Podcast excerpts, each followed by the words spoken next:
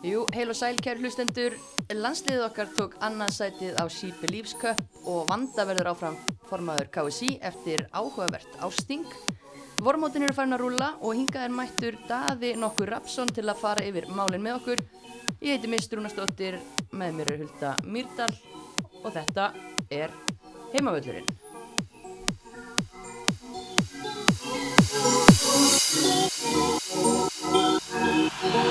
aðeins að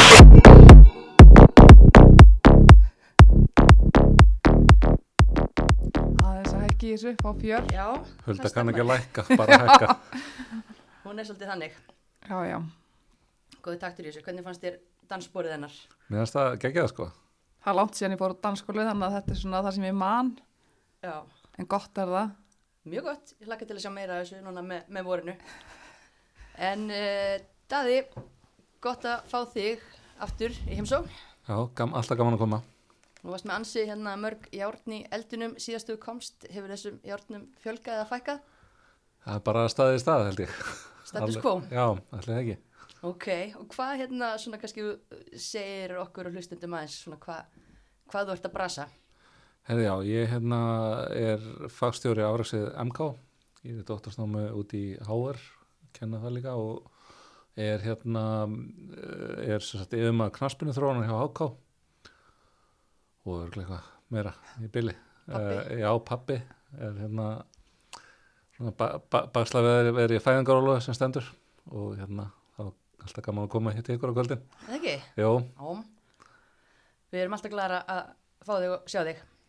Þannig að hérna, við kannski bara byrjum það er náttúrulega ótrúlega margt búið að vera í gangi upp á síðkastið. Uh, þú ert náttúrulega með tengingu til bandaríkjana, þannig að kannski bara ágætt að byrja þar. Stelpunar okkar taka annarsætið á She Believes Cup. Hvernig fannst þér að hérna, fylgjast með þeim í því verkefni? Já, þetta var mjög fínt, sérstaklega bara það er gott að liðið sé að vinna leiki sem að eru jafnir eins og á móti Nýja Sjálfandi og Tjekklandi, þannig að það er hérna að, að ná sigurum í jöfnum leikjum og, og jafnvel þú ert kannski ekki, já, alltaf að spila vel eða fá það færi, það er mjög jákvætt og, og hérna ég mitt bara svona, hann bara steina komið nokkuð vel á liðið, um, hann sagðist vera að prófa ymsa hluti í mótinu og ætlaðu við förum við núna ekki bráðum að sjá hvað hann raunverulega vill stilla fyrir sumarið. Mm Hérna, einmitt, hvað vill hann fyrir sumari? Það er náttúrulega ennþá leikmenn sem er, hafa verið í kringum hópin sem eru, hafa verið frá, annarkvort bara ekki valdar eða verið mittar og svona. Hvernig, hérna, já, hvernig sér heldur að við eftir að fá ykkur, sko ekki kannski ný nöfnendilega en, en ný gömul inn innan hóp fyrir EM? Já, þetta er náttúrulega spurning svona um nöfn eins og Söru Björk eða Elinu Mettu eða þannig sem eru hvernig staðan er á þeim en mér fannst líka samt sko eitt í þessu að, að í þessum leikjum að og það er kannski svolítið svona aftur hans handbrað að það er nokkuð skýrt hvert er hlutverk leikmanna í kerfinu sem hann er að spila. Þannig að það var auðvelt fyrir flesta að gangi inn í það og, og, og liðið var að performa svona svipaðan hátt. Þannig að síðasti leikurinn var svona auðvitað skellur. En þú veist bandaríkin á heimavelli er náttúrulega eh, ekkert lambalega og frábæri framherjar sem er að spila við. En, en hérna hann sagðist nú að það var alltaf pressa þannig að það var veit ekki hvað hann var hérna hugsaðan í sólinni sko. En, en hérna Það var ekki komið kuldakast í Texas Jú, jú, hann er bara frósið þarna. Nei, nei, en hérna, ok, ef hann er að prófa það þú veist, þá bara um að gera að nota svona móti það og, og hérna, held að enginn að búist allavega að við varum að fara að sigra bandaríkin en að sigra hinn á tvoleikina var mjög jákvæmt virkilega, virkilega jákvæmt Mhm. og maður sér það líka þú veist í eins og leiknum móti Tjekklandi hvað komið mikið breytt í hópin eins og þú veist að þú varst að segja að það er allan að fimm leikmenn fyrir utan hópin sem hafa verið í hópnum og þarna skipt, er með mikið að skiptingum og bara maður sér ekkert högg á leiknum þannig séð. Þannig að Nei, og, og gaman eins og að fá mörkana frá Natasju og, og Selmusól sem kannski hafa ekki verið í neina stóru hlutverkum og svo líka sjá hérna hana Dagnju vera komið á ansi gott ról. Þannig að hún er örgulega svona sínu besta ról í, í nokkur ár. Þannig að það er bara margt jákvæmt í gangi. Gaman líka sjá að, að hérna báður ungu markmennir verast bara ætla að verða báðar mjög góðar. Mhm. uh, við náttúrulega vitum allt um Sesselju en, en hérna Telma hefur bara heldur betur mynd á sig í þessu mestradildræfintýri og, og undarfærið árið. Þannig að hérna, þá er hann alltaf komið þrjá góða kosti þar. Uh, hann er komið þrjá til fjóra góða kosti í hafsend og, og hérna getur valið úr á miði og, og framið þannig að þetta er bara allt mjög jákvæmt í kringu landslið myndi ég segja núna Mm. Já, manni finnst einhvern veginn svona bara að vera meðbyr og jú, jú, það var vissilega hann að skellur þegar maður var að fylgjast með þarna á nætuvaktinni á móti konunum, en kannski ekkit skríti heldur því að þær voru náttúrulega að fá launa leiðréttingu bara þarna samdægus, löngu tímabæra. Já og bara mjög jákvæmt fyrir kannafólktan og, fyrir það sem hafa verið lengi þetta búin stórt mál og, og mikið og, og mikið í fjölmjölum í bandarækjunum og sett svona neikvæða stimpil bæði á, á hérna svona þessa, þessa umræðu milli landsleisins og, og sambandsins og sett svolítið svona, já, það verður neikvæð umræði út af þessu og gott að þessu er bara búið og, og ég held að það er, er bara verið að fagna því heldur betur. En af hverju tók þetta svona langan tíma? Bara þegar við vitum allt um vinsældir liðsins, er að selja fleiri treyjur og fleiri miða heldur en kallalið ekki það að það er eitthvað að bera það saman af því að þær eru að vinna sömu vinnu fyrir sambandi sitt. þetta er bara, þú veist, það tekur tíma að breyta hlutum sem að veist, það, það voru það naðilar innan sambandsins sem að bara heldu í það að þetta væri bara allir leið og, og voru að hérna og voru bara að þrjóskast við þetta og fara með þetta í málarekstur og annað slíkt það hefði aldrei átt að gerast það var jákvæmt hérna heima að það, það var búið að tala um þetta einhver tíma og svo tekur stjórnin bara ákvörðun um þetta Mm Einmitt. þannig að Það er eiginlega alveg fáralegt ef að, hérna, þú veist, að þurfa að býða svona rosalega lengi eftir einhverju sem að, þú veist, varð allt, það var alltaf verið að fara að klára þetta. Annars hefði þið bara, menn hefði allt bara farið til fjandans. Já og líka bandaríska kannanarslið er svona institution bara í íþróttum. Þetta er, þetta er bara út af þessum, hérna, þessum Title 9 reglum í háskólanum. Það fengi á svo mikið forskot á önnulönd að háskólan þurfti að gefa svo mikið styrkjum.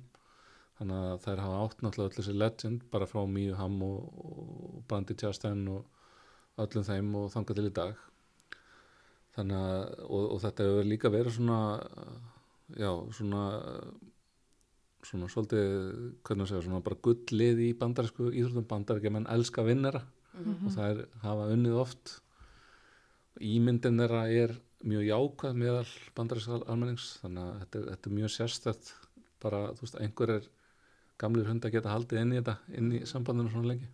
Já, og líka ef maður skoðar, þú veist, hérna, á, þær hafa sitið síðan að FIFA listin var stopnaði 2003 þá það er verið þarna í, í 13 ár, nummer 1, þannig að þetta er borlegjandi hvað þetta er gott lið bara, en eins og þegar þú horfðir á leikin þarna, þú veist, bara ég satt þreytt að horfa það að spila, maður hefur bara aldrei séð svona, hvað, hver er svona aðal munurinn bara fótboltalega séð á núna Íslandi eins og bara núna núna á framförum og þessu liði? Sko, þegar bandarækinn unnu HM síðast þá fannst mér það er ekki fá nóg mikið kredit fyrir bæði þjálfarinn og liði fyrir að mér fannst það nálgast móti rosalega taktistert og, og þær voru topp á réttum tímum, þær voru að halda erfiðum anstæðingum með skefjum í, í, þegar voru kannski að lenda í það að fá sóknir á sig. Þannig að mér fannst þær leysa þetta mjög taktistert það físikli og líkamlega geta bandarækjaman vali bara úr veist, þau, þau eru bara með 25 sörur sem að valið úr hóp, hóp af veist, 100 sörum sem eru allar topp íþróttakonur. Það er bara eiga nokkra svendi sér þannig að þetta er hérna, úrvalið sem þeir hafa úr að velja er bara geggjað. Þannig að þær eru ennþá undan en ég er búin að uh, binda lengi vonu við að spátt fari nú að potið þær og, og, og pikka í þú veist, þetta toppsæti og fleiri þjóði að kannski aðeins má byggði það en, en þær hafa bara þetta gríðala fórskott Mhm. og þetta gríðala úrval.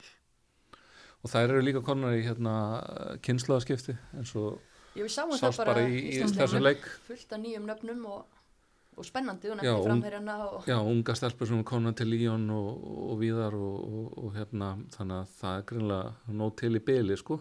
En, en það sem er vanta kannski og kannanum tala alltaf um er mögulega svona þessi að, að hafa boltan alveg svona í kultúrn þessi svona litlu fínu hlutir sem spánverðarnir hafa sem að ítalinu kunna alltaf að verjast og allt þetta að hérna, þetta eru, þær hafa mörgum hefur fundist þær komast þær komast langt áfram á líkanlega styrk og því að vera með þetta fórskot en ég tek það ekki af þeim á síðasta móti meðan það spilaða vel. Mhm. og, og, og fókbaltin í bandarækjunum að verða það er ótrúlega breyting frá að ég var hann fyrir svona 20 árum. Já, en þú varst þannig daginn líka, og ég var hann um daginn, hvað já, varst að gera? ég var nú bara sóla mig, ég ákvaða að cancela jan januar á Íslandi, Gott þér. gert. það átt að cancela februar líka. Já, Mars jafnvel, þetta byrja ekkit vel. Já, já, En hérna, ég sá samt að þú fóst í, í, í lönns með, með fótbaltakonu já, Andröður Rán. Instagraminu, Andrea Rán og, og hún er mætt í Mexiko já, við fórum nú í japanska veitingastað en, en hérna, þá var þetta einmitt að gerjast og, og bara skemmtilegt múf fyrir hana. Andrea hefur alltaf verið frá því að hún var hérna ung í breiðablik þá hún alltaf farið sína eigin leiðir. Og ekkert svona, þú veist, verið endilega hlýða því sem það er að segja.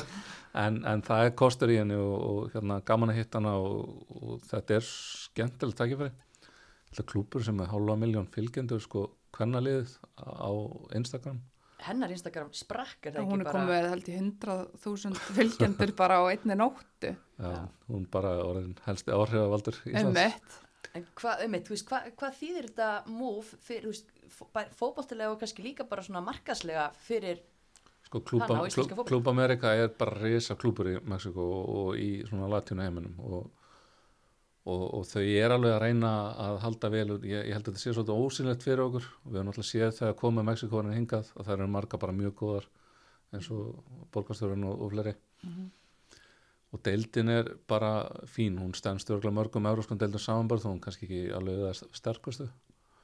Það sem litla sem ég sé að henni veist, oft bara mikið áhörundum veist, fínir leikmenn. Og maður reynir nú að fylgjast með henni á Instagram og svona og heyri henni í gær og svona og þá verðist þetta alveg vera bara hörku atvinnu umhverfi. Og vonandi bara hún fær að spila og, og dafna í þessu. Og launin eru líka þarna bara betri enn í bandaríkjunum fyrir flesta leikmenn. Ok, Þa, það kom svona skemmtilega óvart að, að hérna, samningur sem hún að fá hann, hann er reyndar aðeins bara veist, að, að þetta er nokkra mánuða samningur út tímabilið. En þeir eru alveg að borga vel þú veist og, og það er mjög jákvæmt já, Þannig að hún fær fylgjendur, hún fær vel borgað, en þú veist, verður hún, já, verður hún betri í fótbolta þarna. skulum segja vel borga meða við Já, já. Þú veist, verður hún betri leikmaður. að, þannig að hún þurfi ekki að fara hérna að og þannig að þú þurfi ekki að fara að fylla út skattinu núna næstu tömmu. En verður hún betri leikmaður þarna. Já, já, bara, þú veist, ég held að leikmenn getur orðið betri allstar. Þú veist, hún, hann hefur leiðið á hálsum fyrir að hafa ekki verið að spila í Dash. Það er þetta bara þannig með hálf landslið okkar að, að hérna, þær hafa marga verið bara í þannig stöðu að þær hafa ekki verið að spila eins og við vildum. Og en, en hérna eins og hún sagði alla, og ég held ég get alveg haft eftir henni að, að hérna, reynslan að fara í svona lið eins og Houston Dash hefði verið gríðarlega dýrmætt því að hún sko var þar að hefa bara með mörgum að betri leikmennum heims Mhm. og er þar í þú veist, fleiri, fleiri mánuði með þeim í þessum umhverju og þessum aðstæðum. Þannig að hún taldi sér allavega að hafa grætt á því að, að prófa að snerta þessu. Mér, þú veist, auðvitað er ég hlutræður, mér, mér finnst Andri að hafa svona öðru þessu hluti fram að færa heldur en margir aðri íslenski leikmenn. Hún kannski svona rólegur á boltan og, og, og svona getur leist aðra hluti heldur en margir sem eru kannski meiri bólvinnarar og, og meiri svona direkt leikmenn heldur en hún Mhm. en auðvitað bara þetta þýlt ævintýri hjá henni sko. hún er búin að fara sína leiðir og, og, og virkilega fá mikið út af sínu ferli Algjörlega og það verður ótrúlega gaman bara að fylgjast með og við eigum góðkunningja aðra í deildinni náttúrulega mexikosku leikmennin sem voru fyrir norðan og þessar mexikanska landslískonur voru margar að fara aftur tilbaka í deildina þannig að hvernar er því það verðist vera að þið hafa ákveða að fjármagna þetta eins betur og, og standa betur aðeins og það, bara, það er frábært að landi sem Mexiko er að gera það. Mm enda, enda, enda því líkur fótboltakúltun náttúrulega í Mexiko Gól, já, það er hvernig við erum eiginlega að ná okkur í hérna, leik með proper hérna, lýsanda sko. En þetta er svolítið gaman sko líka bara hvað fótbollin er að verða glóbal sko þetta sjálfur hefur þælst þannig til Kína og, og svo þú veist hafa alveg þú veist klúpar í Asíu og klúpar í, þú veist munum nú að Þórun og, og Dóra fóru til Brasilíu og þannig að þú veist auðvitað eiga leikmenn í kvennaboltanum alveg svo kallaboltanum að geta fengið fullt af hlutum út úr sinni ferli svona uh, bæði þú veist ekki verið að fá borgað en, en, en, en hérna líka bara svona uh, ævintýrin og, og upplifa þessa hluti mm algjörlega Ævindir og borgað, það hljóma nú ekki dýtla. Nei, og líka bara, þú veist, sem stuðni sko, Hljómar geta farið heimsreisu til þess að tjekka öllum sko. hljómar svo fullkominn starf fyrir þið mist Já, já, æfintýra að fá borga. Herði, já, en uh, kannski bara áfram að því að það voru fleiri heldur en hérna alansleikonunar okkar í verkefni. U16 fekk skemmtilegt verkefni núna í síðustu viku, fengu Sviss í heimsókn og, og spreyttu sig í miðgarði, nýju glæsilegu hérna, fjölnota íþróttahúsi í Garðabæ, eru þið búin að kíkja, skoða? nei, ég sá bara stúkan var allt á framalega, það er eina, Um, umkvörtunar efni, hún er eiginlega alveg við hlýðalina. ég var í verkfræðin í viku og ég sá strax að þetta var ekki, ekki málið. Ég ætla að koma henni að hefur ekki að preppa þetta mannverki. jú, jú, þetta er ótrúlega, þetta, þetta er Þetta geggjað, er einigallin. en ég vil fá að sjá þegar það eru, sko, hver er að taka hotspinnunar og þegar ég vil fá að sjá vangmennina. Það er svo spennandi þegar kemur stunga gegn og þú sér ekki hvort að flaggaði eða ekki sko. Þetta er spennandi. Já. Nei, ég fyrir bara Garabæ til að fara í Costco sko. Nei, ég hérna var með COVID og, og hérna bara svona fylgdist með sámörkin og, og þetta, við eigum alveg mikið af efninu held að við erum að hérna rósa að þú veist, fyrir það sem vel er gert og, og íslenska svona línan, framleiðslu línan, Mm. hún verðist alveg líka verið að gefa áfram þarna. Um, bara góð framistæða og svo, þú veist, önnur ekki já, góð, en, en hérna maður kannski svona sem að vildi sjá bæði yngri flokkarlega á Íslandi og kannski yngri landsliðan okkar. Svolítið svona eins og er að gerast núna í landsliðinu uh, kannski bara með því hvernig leikmenn við erum að fá upp og svoleiðis að, að það er að æfa þetta veist, hvernig við erum með boltan hvernig við erum að, að, að halda boltanum betur og, og vera meira meðan það er bara líkilina nútíðan fótbolta þó við viljum auðvitað halda í gömlugildin, baráttuna og allt það að bara það ætti að vera fókusun í öllum. Mm tækni og, og hérna og tækni og taktík. Já. Og þú ert að tala bæði til landslýstjálfarinn og, og félagsliðana þannig. já, já, í raun og veru, þú veist, að þú veist, við eigum alveg fullt efn fullt efni við og, og hérna það er kannski svona það sem að við erum að þessum punkti núna og, og það er jákvæmt við alhanslið að mann hefur fundið svona, þú veist þetta veit maður hvað Steini vill þú veist, hann í, í sóknarleiknum sko, þetta er nokkuð svona ákveðin sóknarleikur sem hann fer fram á og okkar leikmenn verðast alveg geta það og við þurfum að geta það ef við ætlum að eins og í sumar að fara og ná í einhver úslit þá þurfum við að geta skora mörg Mm við gátum farið áttalegu úslit á EM 2013 út af við höfðum Hólfríði og, og Margreði Láru sem gátu skora á móti hverjum sem er og við þurfum að búa til leiðir til þess. Algjörlega. Það var hérna svona gaman að sjá að því að það var nýtt í rauninni teimi saman á hliðalínunni í þessu Já. U16 verkefni. Magnús Örn alltaf tók við U17 og U16 í haust og, og Margrét Magnúsdóttir nýttekin við U19. Þau voru hana saman á línunni og Jörgundur Áki hérna reynslubolti náttúrulega hana ekki langt frá. Uh, hvernig líst þér á svona þessa endurníun sem er að verða þarna þessum störfum? bara mjög jákvæmt skref og hérna, sérstaklega hérna, ráðin Margreði kási verið leiða hálsum með það að, veist, um, að, að það sé ekki kona í landslis teimunum og, og það er bara frábært að hún sé komin í þetta hlutverk og náttúrulega gott þá líka að sé þjálfar sem er búin að vera harka á og, og, og, og þekkir yngri flokkaboltan út og inn og, og bara hefur fylgst með mörgum þessum stelpum að alast upp. Þannig að ég sé ekki nema jákvæmt við það og hérna og bara verður spennandi að sjá. Mm Já, en þetta lið, þetta er spennandi lið og ég meina Emilia Óskarsdóttir farin út í Kristjánstad núna. Þetta mark sko sem hún lagði upp, krakkar. Ég, það, hún hljóp frá einn vítateg. Já, já. Þetta er bylun. Já, já, það er hérna landsliðið er svo sem alveg bæði hérna kannski sérstaklega Sigur ekki var hana og, og núna þú veist nýlega þú veist með Amöndu og svona þú veist hefur sínt sig að ef að ungu leikmennu er gefin séns þá, þá hérna já, sumar sem geta alveg tekið og það þurfti ekki að koma óvart og hún væri farin að fá að kíkja inn í landslega eftir 1-2-3 ár. Mm En talandum má ég tala um aðmynda aðeins í, veist, landsleiknum og landsleikanum þarna. Þessir hæfileikar, ég veit að hún er ung og það má ekki alveg bara gera allt vittlaust en þessi fókbalta hæfileikar, þú veist, ég vil sjá hana í EM-hófnum og hún gefur þessu liði hún Þa, þarna kemur að þessu einmitt akkurat sem ég segja á hann sko, bara þessi hluti sem Andra hefur þetta sem Amanda hefur, þú veist, Mhm. að að- gera eitthvað að viti með boltan og ró líka. Já, og rói kringum tegin hjá Amundu veist, að, hérna, hún getur tekið með ná hún getur fyrirgjáðanar yfirleitt þú veist, nokkuð targetar, þú veist, markvissar ekki bara eitthvað þannig að, og getur skora mörg þannig að, já, auðvitað ætti hún að vera í hóttum í sumar og bara líka með að við þannig aldrei geta tekið réttar ákvarðanir. Það er líka ég hef ekki séð svona hjá ungum leikmanni bara þessi ákvarðan að taka og það er þá bara mjög jákvæðir hérna punktar ef við eigum þetta mikið ungum efnilegum framherjum og, og framlíkandi leikmennum Mhm. ekki, ekki sveindist nú hókina elli þannig að Nei, nei, en við veldum hérna eina sem var að standa sig vel. Uh, betur júleikmavikunar á sunnudaginn. Mhm. og það var Bergdís Sveinsdóttir leikmaði Víkings.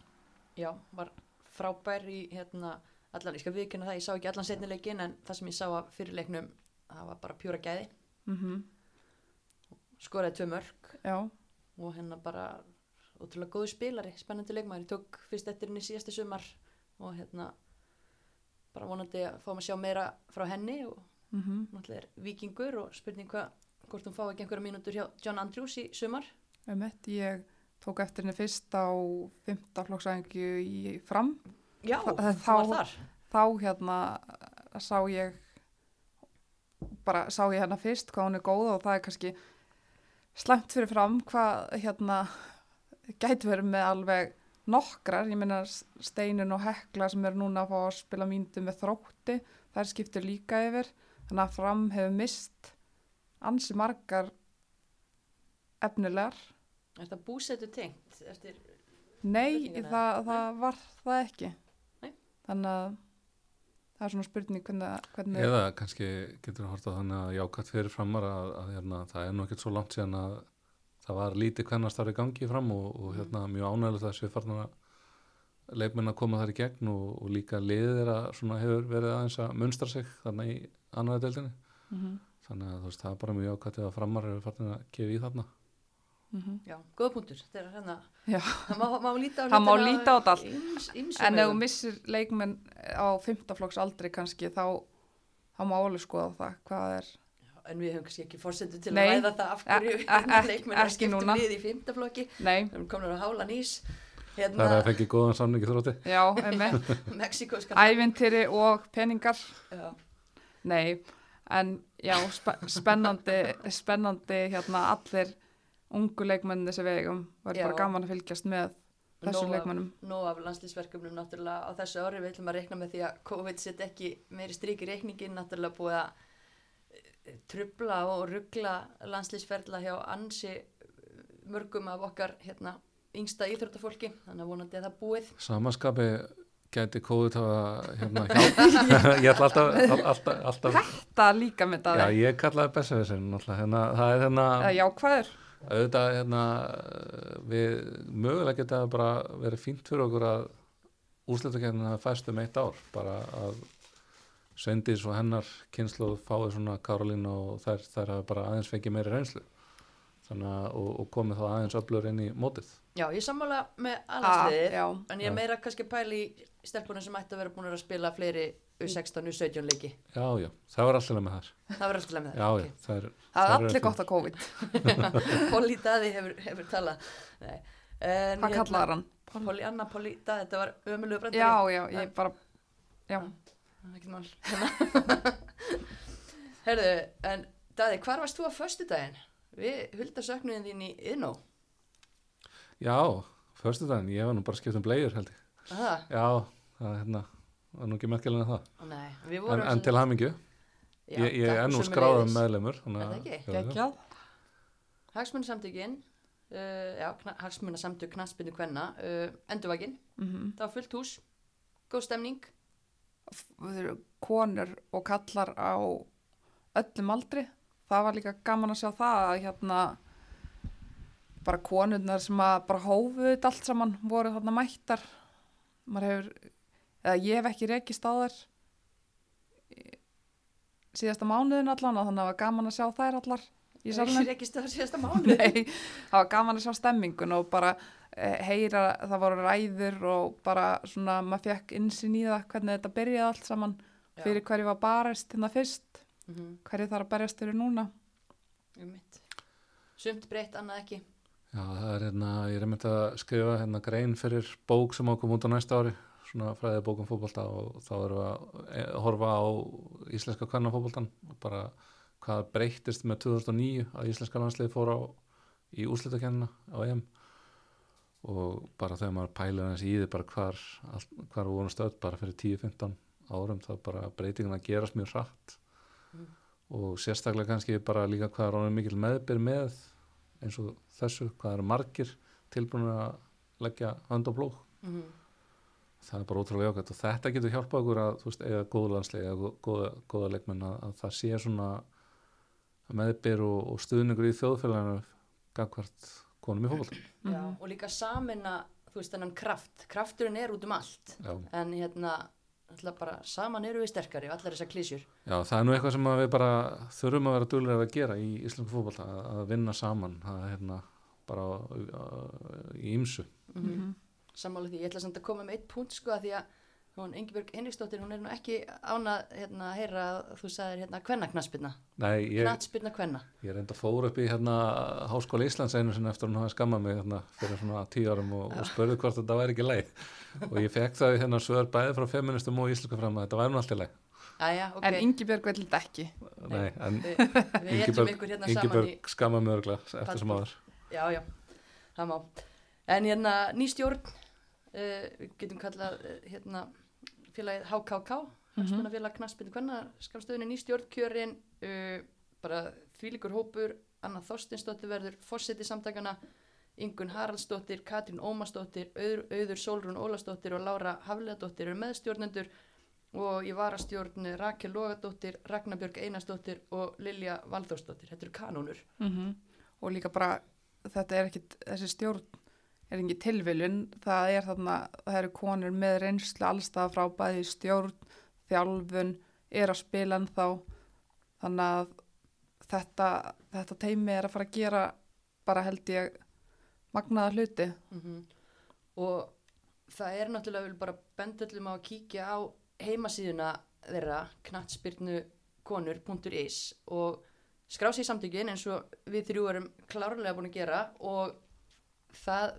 verður unnin alls konar vinna, það verða búnar til einhverja nefndir sem ætla að sérhæfa sig í ákveðnum hérna, atriðum sem þarf að vinna í, þannig ef að eitthvað fólk hefur brennandi ástríð og áhuga þá bara um að gera að taka þátt, það eru öll velkomin í þetta starf. Mm -hmm.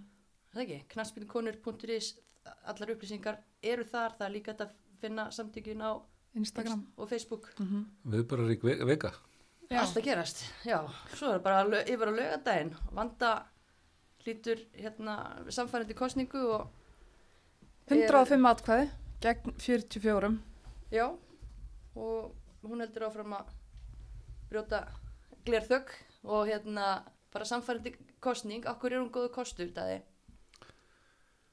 bara vanda er góðu kostur bara held ég flest sem þú getur fundið að gera fyrir hana. Hún hérna maður var svona aðeins var að finna þetta í hreyfingunni vikuna undan að þarna gæti strömmurinn leið sko til hennar og, og hérna þetta er bara ótrúlega jákvætt að, að hérna það er nú það er nú ekki margar konur í forsvari fyrir knarspinu sambund um heim, við um heim og, og hérna og þá bara mjög flott að hún sé að fara að tala okkar máli mm -hmm. erlendis og, og hérna heima hún held ég saman er bara óbúslega marga líka þú veist, út af því að það búið að vera svo neikvæð umræði kringu fótboltan og, og, og neik, neikvæð umræði kringu KSI þannig að ég held að það sé bara mjög gott uh, fyrir bara reyfingun að fá hana í þetta verk núna. Hún, hún er svona mun leita sátta Já, hún hlustar. já og hlustar og, og, og hún er líka metnaðfull þannig að ég er alveg vissum að hún mun alveg ganga til verka það sem þarf. Mhm. Og, og hérna heyrðist nú á henni hitt hann í síðustu auga að hérna, þetta væri bara ótrúlega stórt og spennandi verkefni. Og, og kannski svona eh, fólk áttar sig ekki á því hvað það er gríðarlega við að mikið starfa að vera formaður kási þetta er bara stærstu félagsamtök landsins og, og mikið mikla starfsemi bara þegar KSI er þegar landsliðin er erlendis eða KSI með eitthvað erlendis þá eru bara kannski einn frá KSI á móti 30 frá þessum stærstu þjóðum ég er eitthvað að skoða um daginn hérna út að ótengt hérna starfslið norska knaspinu samantir það var bara eins og nokkur KSI hana. ok. þannig að, þannig að hérna, þetta er óbúslega viðamikið starf Vanda er bara náttúrulega með reynslu af öllum levelum, þjálfari leikmaður og þekkir þetta allt hún er líka mjög góð á svona hugsun gafkvært því að við þurfum bæði að vera með elitustarf og græsótastarf það er bara líkil í íslensku fótboll Mhm. Sævar líka var mjög góð kostur og, og hérna og, og líka bara gott að sjá að bara átt að maður vinaleg þeirra á milli. Þau náttúrulega bara eru vinnur og kunningjar það var þess lengi. Þannig að þetta bara fór mjög vel fyrir íslenska fótboll Já, og reyn bara holdið mitt að hafi komið mótframbóð þó manni, og ég við ekki alveg persónlega, mér hefði þótt alveg glatað ef að Vanda hefði ekki fengið meira en þessa fjóra mánuði. en þetta styrkir hana einmitt líka. Hún hafi unnið þetta í kostingum að það var ekki hægt að negla á hana hún hefði bara komið inn að þrýfa upp og, og haldið í þessu. Hún, hún er bara, sitið hana þá í bara sínu rétti og, og, og það er frábært. Mm Algjörlega, og að þú segir að þú treystir henni til þess að fara í þau verk sem þarf að vinna, þú veist, hvað þarf hún að gera núna, þú veist, hvað, hvað eru áherslu atriðin fyrir forman kási? Þegar, hérna, Góð spurning, það hérna, ég held að KSI átti sig alveg á því að hérna, það er búið að vera óbúslega mikið að gerast undanfærin 10-20 ár, bara íslensku fótboll er óþekkjanlegur frá því sem að var. Þetta er hvort að kannski svona þeir sem yngri eru bara átti sig á því að hérna, það er svo stutt frá malavellinum og, og því að Ísland var, þú veist, alltaf bara það var ekki sens að landslið var að vinna var ekki sens leiki. að landsliðin var að vinna leiki og, og svona, þetta svona ákvæði minnum kemd og nú bara erum við búin að eiga landslið á stórmótum og ótrúlega mikið atvinnu fólki og, og, og bara fólki út um allan heim sem er bæði þjálfun og, og leikmenn að bara reyða sér til rúms. Mm þannig að en eins og bæði alanslega kalla sko alanslega kvenna er á ágætis róli -hmm. alanslega kalla þarf náttúrulega bara að fara í gennum uh, fá, fá að fara í gennum kynnslóðaskipti þar Mhm. og svo líka bara að draga lærdóm af síðustu tíu árum það að fara á HM og það að fara á, EM og allt þetta þú, veist, þú, þú er að draga lærdóm þannig að þú getur haldið áfram þannig að þetta sé ekki bara eitt skipti Nei, einmitt. Já, að en það svo, svo er náttúrulega það hitt bara líka að, að svolítið að veist, bæta ímynd fótbollars í samfélaginu. Það bara var ekki jákvætt Mhm. hérna á, á síðastöru það er bara að segja, segjast eins og er. Og, og, og það er alveg hlutir hann eins og bara við þurfum að að ræða þetta varðandi bara óbeldi og, og mögulega einhverja kall, þú veist hver er kallmennskan í boltanum. Já, við þurfum bara að ræða þetta í og samtöl og, og, og, reyna þú veist að að setja svona þú veist, við þurfum að standa við það þegar við segjum að það sé gott fyrir krakka og, og alla að vera í íþróttum út af því að það hjálpa okkur að vera heilbyrðar á, á líkam og sál mhm. þannig að við þurfum að standa við það. Já, en er ekki félögin veist, tilbúin í það, ég menn er þau ekki að sína það til dæmis bara með þessari kostningu og nú er ég ekki að meina þetta veist, eins og Sævar hef ekki verið að velta veist, þessum ímyndamálum fyrir sig, ég er bara að pæla því að búið að ræða þetta svo mikið í tengslum við vöndu? Jú, þetta eru bara nærru því allir bara á þessu. Og, og maður veit líka margir kannski svona svolítið sárir eftir síðastu, síðasta ára, þú veist, upplega að vera að ráðast á sig eða að vera að ráðast á fótboltan eða, eða að vera að gaggrina fótboltan en, en hérna ég, ég tek því ekki þannig, þú veist, þetta er bara þetta er eins og sérst í öðrum geirum samfélagsins, þá er þetta líka bara samfélagslega mein og það þarf að ræða og það þarf að upp, uppræta það þarf að fræða Mhm. stráka sérstaklega líka stelpur bara um, um þessa þætti og, og þá er bara ég veit að Sævar er alveg á sama máli og vanda í þessu Mhm. en vanda bara hefur gott svona, já, hennar karakter og baklandi eða bakgrunnur er akkurat fyrir þetta verkefni Já, ég sé þetta. Já, að við tölum alltaf um að við séum svo hugafarslega sterk á Íslandi, þú veist, það sé okkar styrkur að vera, vera hérna sterk hugafarslega og, og, veist, og við séum góða fyrirmyndur og annars líkt, þá verðum við líka bara að- standa við það. Mhm. mm og líka bara alþjóðlega í svona alþjóðlegu samingi, þú veist, ímynd KSI út af því núna hefur ekki verið á marga fiska, hjálpar þú veist hjálpar það ekki að uh, sína öðrum þjóðum að þannig erum við til dæmis að skapa gott fordæmi með því að fá bara sterka konu, ég minna hún er kona það, Hún er það, það verður ekki já, að tekið. það er ekki af henni tekið en hún er meir en bara kona Já, og, og hérna kannski líka ástæðan fyrir fengina til að skrifa þessa grein sem við erum að tala um á hann í, í þessa bók að, að hérna, það var til þess að aðra þjóða getur lært einhverja hluti frá Íslandi vonandi mm -hmm. og þá er þetta meðal annars það og, og kannski svona, það verðist vera ekki, greinu ekki alveg tilbúin en, en það verðist vera að þannig að, að þetta snýst bara um sama hvort þú sért stjórnamaður í félagi eða, eða þjálfari eða leikmaður eða fóreldri eða annars líkt að bara, þú veist, við erum ekki að býja eftir einhver annar gerir hlutina með að þú veist koma á jafnrétti eða heldur bara þú í þínu hlutur ekki bara bara stendur fyrir því og, og býður ekkert eftir öðrum Mhm. Mist skellti sér nú bara á EM hérna 2009 og, og kofveraði þetta. Já, já, það ertu bara að græja þetta. Já. það bara ferðu Það var gaman maður. Ó, ég er svo spennt fyrir sumrinu, krakkar, líka. Já, En ég ætla sko ekki að vera í vinnunni í sumar. Það er, Það ætla bara Bara að lay, njóta. lay back Mál, máluði framann og já, já, já, já, já. Með hérna, vikingaklappið. heilmálingu, og svona, hvað heitir hérna, ekki, túbu, ætlar að vera trommur nei. Þú verð með trommu sett út Búið sela. Vúvúsela, þetta er það maður, já. Ég á hérna eitt eh, gott vúvúsela síðan í Afríkukeppninni Ha. 2014, tek það með, Það verður í handtórangri klárt. Frábært. Já, þetta kom með henni í kvöld og leið okkur að prófa. Já, why not mist Það er næst. En, uh, já, ársingið vanda vissilega áfram formaður nýstjórn, einhverja breytingar, nýnöfnin, einhver nöfn út, hvernig lítur nýja stjórnin út, svona stuttumáli.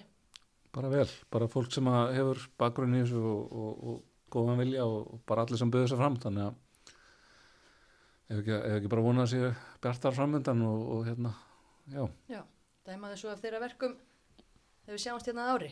já. Já, gerðu það, bókað. Uh, en það var eh, svona, já, á þessu ástingi, nei, þú hefur vantilega ekki verið á ástinginu, eða varst að skipta Nei, á ég, treyjum. já, ég, hérna, ég, ég veldur ekkert sérstaklega gaman að þessum ástæðing. Nei, þetta er Svo samt að fylgjast alltaf í með á fjarska. Hoppar ekki svo hulda og, og liggur yfir þessu. Hérna, en það voru, veist, tvær tillögur kannski svona helst sem hafa verið að, eða tvefni sem var rætt í tengslum við Knattspyrnu kvenna. hennar Já, uh, að kannski fjölgunum til hana, það er rauninni bara búið að samþykja hana, ég meina það verður keirt á þessa uh, tvöföldu umferð í annari dild í sumar og svo á að dundra því í gang á næsta tímpili í ja, bestu dildinni. mm Hvernig bara líka aftur örstutt, er þetta jákvætt að bæta við þessum auka leikjum? og kannski bara útskýrta fyrir fólki sem að er, lá ekki yfir ástinginu eins og ég mist hefði útskýra hvað, um hvað snýst þetta? Já, útskýrðu. ég er með þetta hérna fyrir fram. Ég mist, þú, þú ert betur í þessu. Einföld umferð í neðri hlutanum. Ha, erum við ekki að út erum við ertu ekki, að tala um aðra dild í sumar? Eða ertu að tala um ég er að tala um það að þetta er komið inn í Bestu deildina, já, Já, þá verður það þannig að, að deildin verður bara spiluð fyrst, tvöföld umferð, Mhm. kláruð. Síðan verður það þannig að fimm efstu liðin spila, en það er bara einföld umferð og sama með fimm neðstu lið. Stíin sem að hafa sapnast eftir þessa hefðbundu tvöföld umferð, þau fylgja inn í þessa einföldu setni umferð og í rauninni bara vera að bæta við þá fjórum auka leikjum. já. Þetta, er gert til þess að bæta viðleikjum. Og er Og- það ekki bara, Jú, ég Jákvætt. við getum nú einmitt e, lift hérna kókdósum fyrir því að fyrir því að færiska deildin byrjaði í dag og það er ennþá eh, þó nokkuð í okkar og Já. við verðum bara sko, við verðum að lengja tímabilið bara finna öll ráð til þess uh, mér finnst auðljósa svarið alltaf vera gerðugars á alla velli uh, ekki alveg saman að manni en að maður ekki búið út í káðar og Hann er að vökva bara núna eins í og snjónum. borgar yfirvöld, þú veist, ég meina það þarf að endun í þetta og, og ég veit ekki hvernig þetta er í Kópavogi og, og Garðabæi en það er bara bras í Reykjavík. Já, en, en sko færinga getur það. Já, og grasið þeir eru náttúrulega ekkert alltaf alveg upp á tíu sko. En, en hérna þeir eru að finna leiði bara til að hafa leiki og við verðum að fá fleiri leiki í íslenska knaspinu, kall og kanna finna alla leiði til þess Einmitt, og ég veit alveg að, að, að ég hef allan svo best sem ég veit þá voru allir sáttir við þetta meira að minna hérna, fyrirkomulega í efstu deild. Ég heyrði aðeins reyndar af því núna því að það er ákveðið að kera þetta í gegn strax í sumar í annari deild og mér skilst að hafi bara ekki verið rætt við fulltrúa allra félagana. Þau félög sem að í rauninni þetta er bara ákveðið eh, taka þessa ákveðinni eru í lúpunni þá eru liðin sem að hérna, náðu bestum árangri fyrra og hefðu mögulega þá verið í sömu stöðum eða skilur í sumar ef við verðum að copy-pasta en að liðin sem voru í neðlutan við fyrra þau þetta ekki verið borið undir þau. Og ef að það er rétt þá er það lélegt en ég er samt mjög til í fjölgun leikja að því að fyrirkomulagið á sér dildi fyrra var Stefnan hjá okkur ætti að vera Ekki bæða leið. fjölga leikjum og líka að fjölga deildum. Og við ættum að vera stefna að bara fleiri liðum við vorum að tala um fram á þann sem að var svona eiginlega bara dótti út, ég held að það er bara stutt síðan og ég alveg voru með lið í keppni. Mm -hmm. en eru kom, komnar inn og eru svona að munstra sig að, að hérna, við þurfum bara að fá fleiri félög inn í þetta og, og, og fleiri deildir og fleiri leiki. Það, og við verðum að verðum að gera það, það er kannski gallið með þetta ásting að mínum að er það einmitt að vera að bera upp alls konar tillögur og einmitt eins og þú segir annarkvært liður ekki búin að kynna sig til hlítar eða við þurfum kannski að eiga miklu betri umræðu um það hvað, hvað við erum að kjósum Mhm. og, og hérna og, í, og hvort að það sé eðlilegt að, að allir kjósum allt eins og eiga félög í þriðu til kalla sem eru kannski ekki með kanna fótbolta eða þegar vera að kjósa um það sem Já, er að já. gerast í kanna fótbolta eða, og, og svo kolla kolli, þetta er svona spurning sem getur alveg spurt algjörlega, algjörlega, þetta er góð punktur og, og hérna þetta verður svona stundum stundum vera svona þingið þannig til fallið að, að það koma hana tilögu til þess að deyja farið nefndir mm -hmm. í kannski mörg ár. Það er aldrei Það er- gott þegar eitthvað fyrir nefnd. Nei, en og, við sáum og ég, ég myndi velja að sjá kannski að, að það væri einhver meiri svona ég veit ekki hvort það er að kalla eitthvað fagráð í kringum mótamáli eða, veist, og, og hæfilega mótun annars líkt sérstaklega hvað er það yngri flokkana að, Mm. að hérna ekki vera að setja fyrir setja það fyrir hérna ástingið. sko þar sem að menn eru kannski ekkert með yngri flokk Mhm. í sömum liðum. Nei, það þarf eitthvað kannski einmitt að endur skoða þetta. En ég sá á Twitter að, þú varst ekkert sérstaklega kátur með einmitt hina tillöguna sem var kannski svona í umræðinni hvenna meginn, það er varalist tillagan. Já sem var sendinend sendi nefnd Kom, komunend og sendinend Já, hvað hérna útskýrðu aðeins fyrir okkur? Hver var tillagan? Já, hún snýrst um að, að hérna, heimila varalið í deildakenni þannig að uh, lið gætu þú veist uh, lið gætu sendt annað lið til keppni og, og þá að hlutgengi væri þá þannig og ég man ekki nákvæmlega hvernig hún var orðið með hlutgengi en, en að, að leikmenn sem eru til dæmis á back í liði 1 það er eigaðu öll með að spila með liði 2 og séu þannig að fá leiki. Já, það voru held ég sko einmitt, fyrstu 11 ef þú spilaðir minna en hálfleik já, minn en hálfleik þá ertu gjaldgengur. Og, og, og setur á bekknum, þá máttu spila. Já, já, og ég tók þátt í að bera þessa tillögu fram held í 2016-17 fórum þá strax í ég nefnd held hún að vera sett í nefnd þá líka.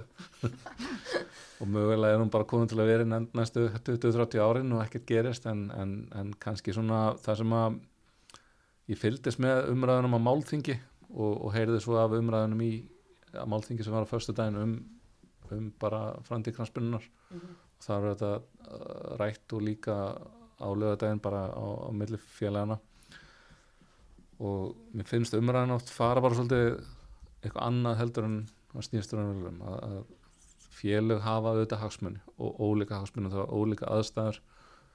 Og það er kannski það sem að stundum þetta þing fer í, ekki bara með þetta mál heldur mörg önnur að menn fara kannski að ræða mála tilfinninga hýta kannski ekki alveg réttum fórsöndum og svo frammeins og það trublaði mig líka á þessi sérstaklega trublaði mig á föstu daginn að fylgja sem með því að það kemur þarna fulltrúi uh, frá einu félagi sem að er að segja að þetta sé bara sett fram í þeim tilgangi að breyðarblik og valur geti sangað sér bara öllum bestu leikmannum uh, það er bara ekki þannig og þú veist bara það er sennilega bara dilgjur og, og, og þú veist þekki það hafandi verið að setja þessa tilögu fram og stiðja hana þú veist háká það sem ég set núna stið, stiður hana. Mm. og fleiri félög heldur en áður eru farin að stiðja þetta líka.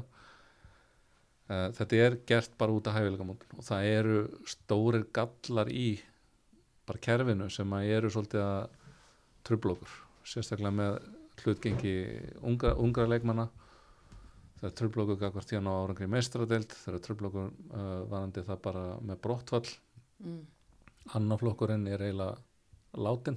Já, eða allavega er með mjög slæmt COVID, þess COVID að hæstast í og, og heyrði það nú bara í dag að segja hann ekki búin að fatta að, Reykjavíkumóti er ekki með annaflokk einmitt.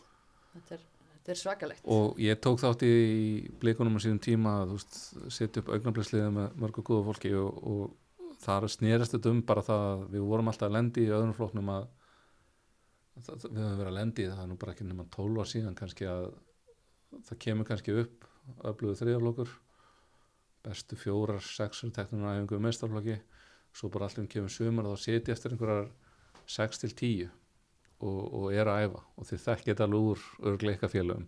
Allir en annar flokku bara orðin einhverjar sem, sem stað 2 til, 2 til 10 sem er bara að æfa Já, með að þjálfa nokkrar tvekja manna æfingarnar í gennum tíðina get ég settir út af því að þú veist þjálfari meistarflokk vil bara fá einhver ákvæmna sem hann telur bestar aðra að sitja eftir, þær eru kannski bara ekki komnar ánga að vera bestar en gætur það sérna en bara umhverfið er bara mjög nýður drepandi því að svo kemur að leikjum yfir sumarið og hver situr þá fyrir? Það er náttúrulega svo sem situr á bekki meistarflokki ef hún er annarflokksaldri Mm.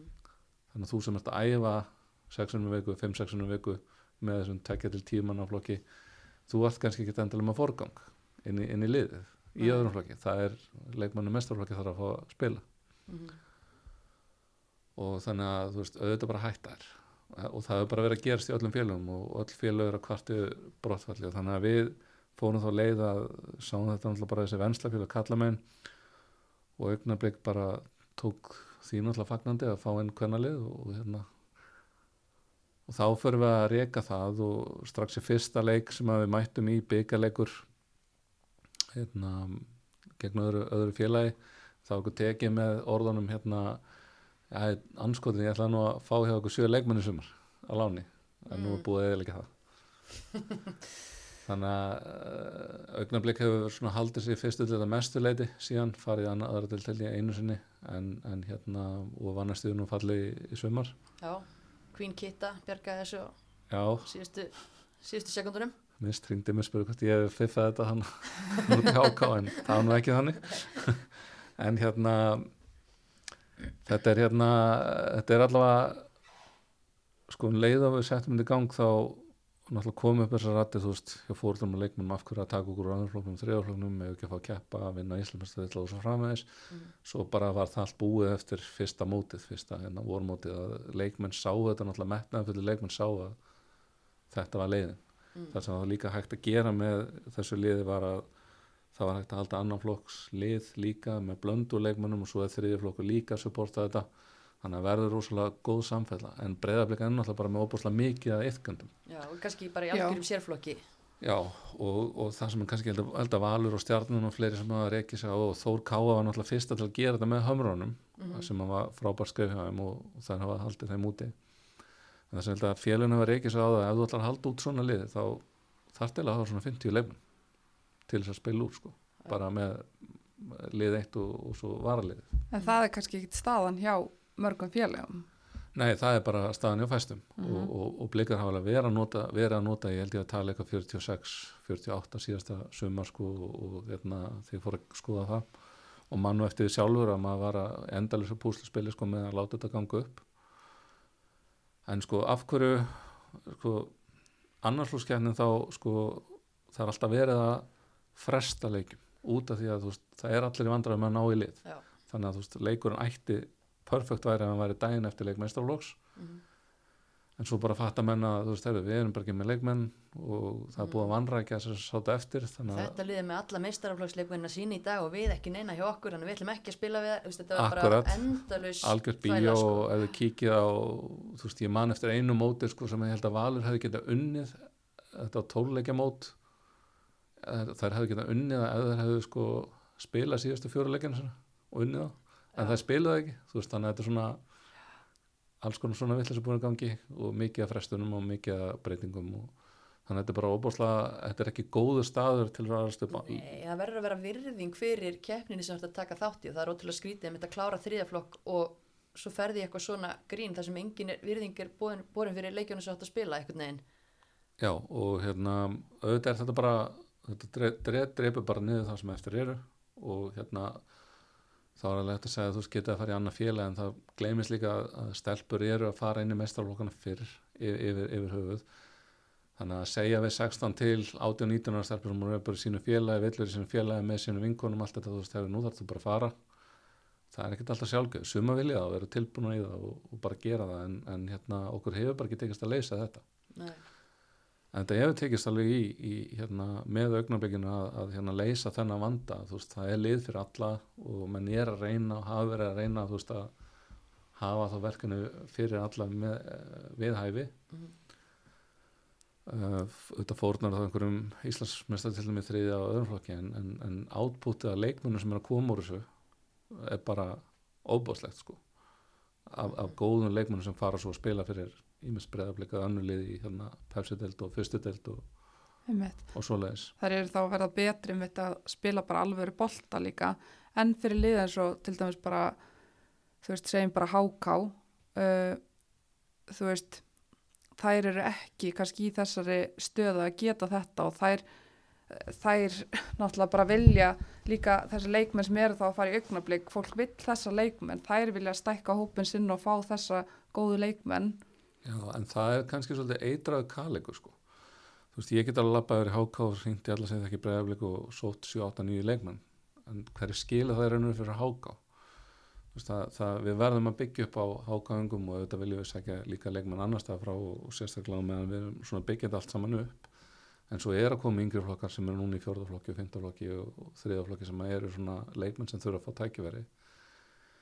Þannig að þú veist, ég á ekki að vera stól og breyðabliki mínu svona, þú veist, uppeldistarfi hins vegar er ég, erum við þá með segjum kannski í kringum, við viljum hafa mestarlóshópi kringum 22 leikmenn 22 til 25 leikmenn. Mm. leikmenn sem eru orðnir kom, komnir af annarsflokksaldri þeir hafa ekki verkefni þeir eru ekki að spila. Og þetta er líka í kallaboltanum og líka í pepsi-deltinni og, og svo framvegis. Það er mjög bagalegt leikmenn í uh, við erum í fyrra og aftur núna sama vandamáli veist, og fái leikmenn sem að enda á milli. Mm -hmm. fá ekki þá verkefni að hæfi. Já, að því þú talaðir um sko að að það sem að fyrst tikkar upp í hausinu mér þegar að að fara að ræða þessi varalið og, og kostir og, og gallar og, og þetta er einhvern veginn bara og að maður sér svolítið hvað breyðablík lendi illa í málum síðasta sumar með að vera með bæði breyðablík og augnablík og svo kemur meistaradildin inn í þetta og þú veist, liðið er að fara með hvað 13 leikmenn í útileiki meistaradildinni af því að þú veist, hverju gerist þetta? Já, sko við þurfum að kalla eftir því að KSI eða einhverjir, þú veist, hvort sem blaðamennar þeir, þeir, þeir skoði og, og læri af reynslu fyrsta lið sem fer í reyðlakerni frá Íslandi það er svo margt sem við getum lært af þessu og, þú veist, sem að, snú, sem að snúa þú veist, hlutgengi leikmanna og bara hvernig okkar kerfi er frábært að blikarnir komast inn bara þvílik og sigur, ég veit að val, Valur ætla sér inn í, inn í haust Mm -hmm. og, og hérna en við þurfum að horfa eins á það sko eins og bara ég hef verið að fylgjast bara með meistarliðanum undanfærin tíu ár saman hvort það var Valur, Stjarnan, Þór Káa Breiðablík, yfirleitt nota þessi lið bara 14 leikmenn en, en þú veist, öll lið vilja samt hafa 22 manna hóp. Mm Þannig, að- en, en það eru svona 14 leikmenn sem spila oppan og megnið öllum mínútum. Það er bara, þetta eru það fái leikir 18 leikir pluss byggar að, að hérna þú átt að geta svona rúlað á, á þetta mörgum. Og, og hérna þeir sem eru back þeir geta annarkvort þú veist, uh, spila með öðrum flokki sem eru hlutgengar en ekki neitt verður ekki hlutgengar í aðrlokk þannig að þessuna hafa efnilegi leikmennu færðir úr breyðabliki yfir augnablik svona efnilegi leikmennu á aldrinu 16 til 18, 19 Mm. en þá þurfa að eiga lánsamningu eða félagskipti og reglunar um lánsamningu og félagskipti samkvæmt að láni eða bara skiptur alveg yfir eins og Írina González bara einn okkar efnilegasti miðumæður lendir í því að, að hérna, hún spila leik með breyðablik Lendir í því? Já, hún, fær að spila með bara Aðalliðinu. meisturunum, aðaliðinu Já. sem bara frábært fyrir 16 ára leikmann, 17 ára leikmann að hún fær að spila með þeim í janúar.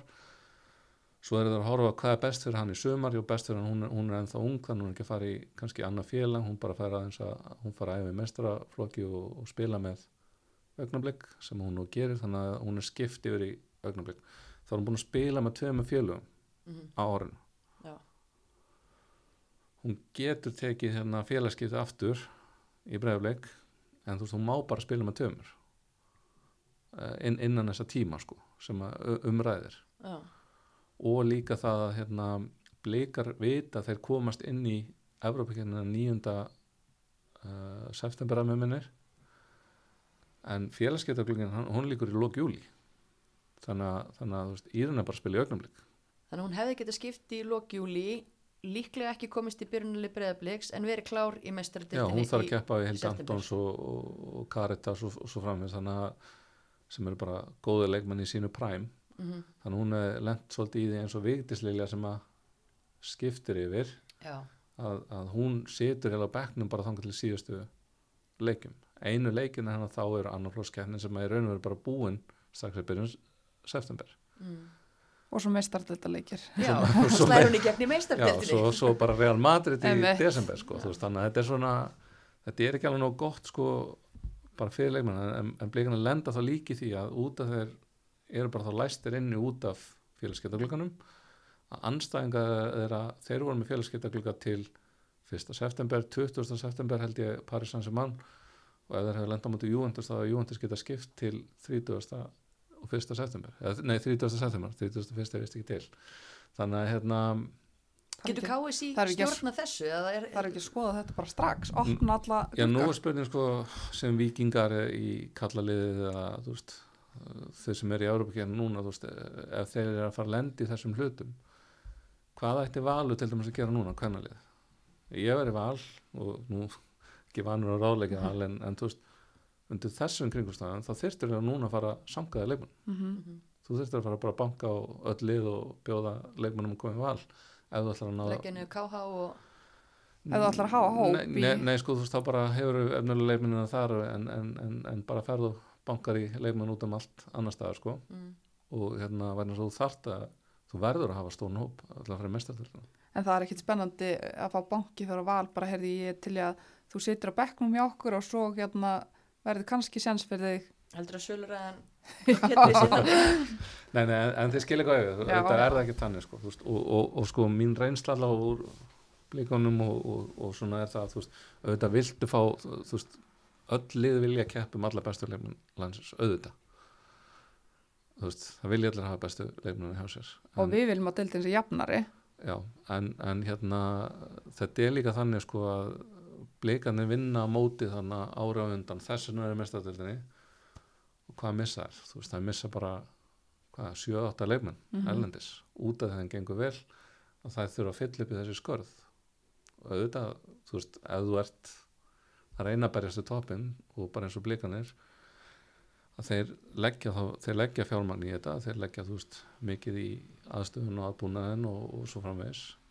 Þannig að þetta það ná í leikmenn.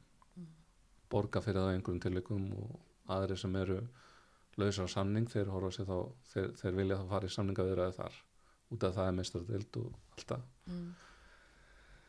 en þið sjáum vandan í þessu að, að hérna að hinn félögin þú veist þau getur bætt þessi leikmenn lengur ekki blikanir og það er, þeir eru bara uh, læstir inni út af þessu þeirra efnilegustu leikmenn eru læstir inn í augnablik. Þannig að Írina González sem hefði haft pælið þú veist að það, þannig kannski leikmenn sem getur spilað fyrir íslenskan landslið í framtíðinni frábæð miðumar Birna Kristín. Já, Byrtan Kristín uh, og bara- og bara margar af þessum stelpum. Um, og, og hérna Margaret Brynja sem er efnileg hún, hún, þú þarft að vera orðin 16, að þú þarft að vera Já, hún var uh, ung 2000, 2005 á síðast ári 2006 núna. Uh, svo er líka reglunar þannig sko í hjá Júfa að, að hérna þú þarft að skila inn A-hóp og B-hóp og, og, og í A-hóp þarf að vera ákveðin fjöldi leikmanna sem eru búin að vera uppaldir hjá félaginu Já, ok og það er líka þannig kvennamegin Já, það er Já. líka þannig hvernig og, og, og, og, og, hérna, þú ætti líka að hafa hérna, uh, segjum eins og bara ef valur fyrir að voru þær kannski tværi KH sem maður hefði viljað kippa yfir í mestaradildina Mhm. og gerðu þau út af að það voru ekki búin að spila þessa leiki hana sem að útiloka þær en, en ef þú ert að hérna en, en þá er það bara þannig að, að hérna þú, þú býðir til svona bjelista sem eru leikmenn sem 16 en þeir verða að hafa verið óslitið hjá félaginu í tvö ár. Í bjölis eh, já, Já, já, í bjelispólinu sem þýðir það ef það eru að fara á lán eða í eitthvað annað félag eða í KH KH tel sem annað félag þá geta það ekki verið púlinu Já, og þá detta margir leikmenn breyðabliks út skiljið. já. já. þetta er bara mjög flókið mál þetta skiptir svo miklu máli út af því að þú veist ég held að næsti svona heila í gral íslenska kranspinu er að koma kalla liðin í mestadeld er að menn bara er kerfið að hjálpa okkur til þess hljómar alls ekki mestadeld eða kannski Evrópakefni, konferenslík og allt þetta sko, en, en, og, og við viljum náttúrulega kvennalið líka eins lengi og við getum í þessari deild þannig að já, Og þú sér varaliði sem, sem lausna þessu allan að hvað var það það bara færast þar yfir. félagskiptin Já, þar er ekki félagskiptum en þannig að þá það, er það þannig að varaliðin þau, þau mega ekki vinna sig upp um deild er það ekki rétt skilið? En eins og til að hann var sett fram þá mættu varaliðin vera í fyrstu deild, til hann ekki efstu deild. gerði og ekki sömu deild og ekki sömu lið og, og, og, og hérna Lið fyrsta liði ég er svo sem, mér finnst líka að mögulegt að vera sér byggakenni fyrir þau. Já, ja, sem, væri, sem væri náttúrulega ef það væri lið, varalið að hérna en auðvitað má augnablik bara það er munað um litlu stundum að augnablik hefði bara dreigist gegn breðablik sko. Já, já. En, Og- já, hvað og- hafði gæst þá? það er bara verið Haus- stuð en, en þið sjáu sko að, að hérna þetta var miklu auðveldar að, að bara en, en að, að þá færir bara leikmennina upp og þú veist þetta þekkist í Þýskalandi þetta þekkist á Spáni. Ég hef verið mikið í Þýskalandi var hjá Frankfurt svona fylgjast með þeirra Europamestarar og það er bara yngri landsleismenn þeirra. Kim Ólafsson til dæmis sem spilaði með yngri landsleifum Íslands. Þú veist, hún sleit crossbund kom tilbaka úr þeim meðslum og þá fem ára horfur hann að spila með þarna Frankfurt 2 Já, já, já. í, í Mhm. Það er svo sem einhverju segja að það sé alveg fínt að setja, setja þetta á ef að liðin séu í annari deildi en neðar. Þá bara kemur að þessu sem að mjög hans fulltrú IBF, hann komur svolítið bara legitimate bara mm, svona gaggrinn á þetta fyrirkomulega, hann sagði bara við getum ekki stöðt út af það okkar veruleikir annar heldur en breyðabliks og vals Mhm, og svo framvegis.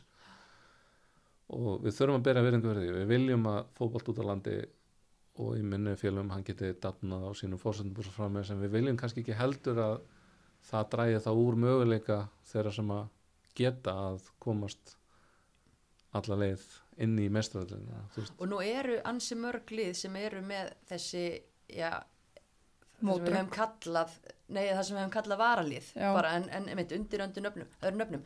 Þannig að maður sæi fyrir sér að, ég meina hvað getur, þú veist, maður sér fyrir sér að þá er, er þið þá til þriðjadild hvenna sem ég held að er þið reyndar mjög jákvætt, því við hefum séð hvað önnudildin hefur verið ójöfn lengi, þú veist, það er punkt, punktur sem ég sé, en ég heyr alveg hérna, áhyggjurattir annara sem að, bara eins og þau benda á að hópast þá ekki bara allir í tvo risa hópa hjá Val og Breiðablík Já, það er náttúrulega alltaf hættan þú veist, hvort sem er núna. Ég menna þegar stjarnan rís upp á síðan tíma, ég menna af hverju voru menn að fara í stjörnuna, af hverju voru leikmenn að fara í stjörnuna sem aldrei unni neitt, það var út að þau voru að leggja mikið í sitt starf á þeim tíma, það lögðu peningi í leikmenn, þær voru með góðan þjálfara og gott, góða umgjörð. Þannig að þú veist, auðvitað fóru leikmenn í stjörnuna á þeim tíma eins og þau fara núna í val og breyðablik þeir, þeir vilja, góði leikmenn vilja spila í bestu, bestu liðunum sko. Mm. um, En hvað var nú, svona nú, rökin? nú, núna ef að ég til dæmis ræði við einhvern leikmannum komið háká þú veist þá held ég að nú sagt oftar en einu sinni ef þú verður og stór fyrir okkur þú veist þá bara viljum við hjálpa þér áfram. Þú veist við viljum ná árangi áttum okkur á því að það tekur tíma við áttum okkur að við þurfum þá að gera eins og stjarnan gerði og eins og breyðablik gerði þú veist breyðablik hefur ekkert komið komist þangað sem þær eru bara af því sko. Það, það er bara mikil vinna þar að bakvið Mm. en, en hérna en ég get alveg staðið við það að sagt við margar leikmenn sko, þú veist þú kemur til okkar við munum hjálpa eins og getur að, að þú náðu þínu markmiðum ef þú verður of stór. Þá, þá bara verður að fara að þú veist ég líka verið blikamegin þegar leikmenn verður of stóri þar. Og við viðum kennum það svo þú veist það kemur á frétt núna frétti núna í vikunni einhverju 15-16 strákar sem við FC Kaupmann og höfn og hitt og þetta. Þeir bara að fara áfram þú veist, góði leikmenn þurfa að fara, þeir þurfa að testa hversu hátt og langt þeir geta farið. Þeir þurfa að taka stegan og ég get ekki setið ef ég væri nú með hérna, unga Sörubjörg í Háka auðvitað vil ég halda henni. Mhm. auðvitað, hver vill það ekki?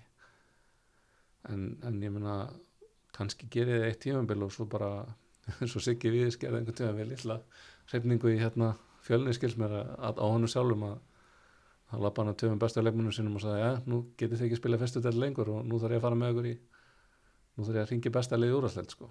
Já, ok. Heiðalags. Sigurður Víðisson.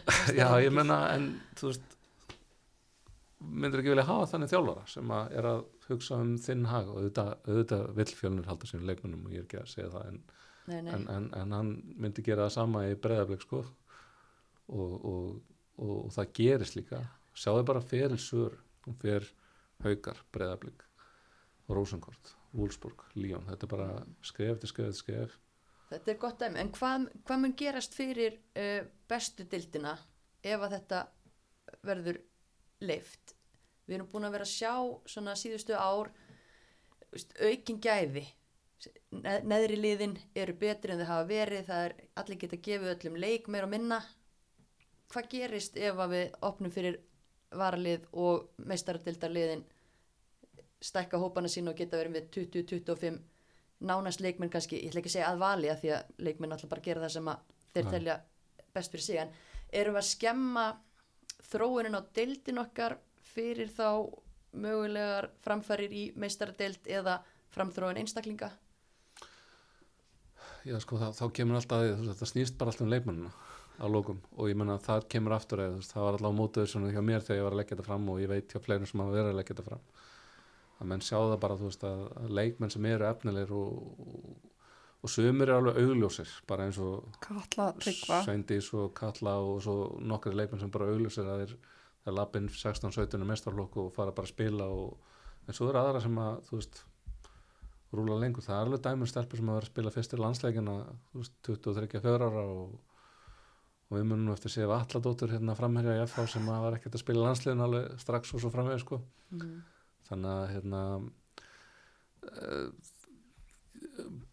ég held að breyðarblik og valur vil ekkert hafa þú veist, þú vilt ekkert hafa 40 manns á æfingu sem er allar bestu leikmenn þú veist, þú vilt hafa 22 en vilt hafa 40 ég Nei, ég, ég er að tala um sko 40 samtal skilur Já, já. 20, 25 í blikunum og 25 í, í val og, og hérna En viljum við þá bara ekkert senda þessar stelpur þá fyrir ekkert í lán í öðrum liðum og þá er það að keppa bara einmitt kannski í bestu döldinni og er að lána þar í staðin fyrir að vera í varaliði þá í En það er einmitt það sem hefur verið að gera sko og mun alltaf áfram gerast að, að þú veist, ef þú ert að hugsa um play development ef þú ert að hugsa um hagleikmannsins það er það bara eins og þú veist, Elin Helena sem spila hefur kepla ekki í, í sumar veist, hún spila tvö mestalega þrjú tímabili í ögnumleik svo er bara sammála all, allir sammála um það að þú veist, það komum tímum fyrir því að spila úrvarsleild bara fyrir að spila þar.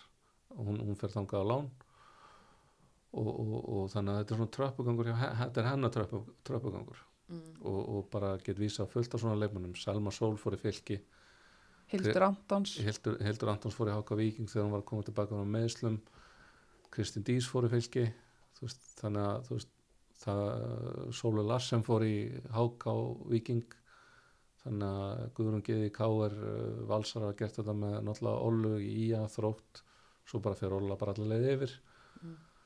um, já, núna Katla fyrir á lán uh, er ekki hérna fleiri hérna sem fara úr val á lán til gróttu og, skipti yfir, ekki? já, Katla skipti svo yfir en hún fór já, hún er ekki búin, já, hún er ekki búin að fara á lán hinga til en það er allavega svona Það er alls konar sögur, hvern, hvern, eins og veist, félagin hafa verið að hugsa það veist, það er allavega miðað við það, e- ef þú varst með nógu hæft staff í því að hugsa um player development að þá eru þeir ekkert að fara að halda einhverjum mjög efnilegum átjónara sem þú ert ekki að fara að spila á einhverju level sem hún á ekki að vera.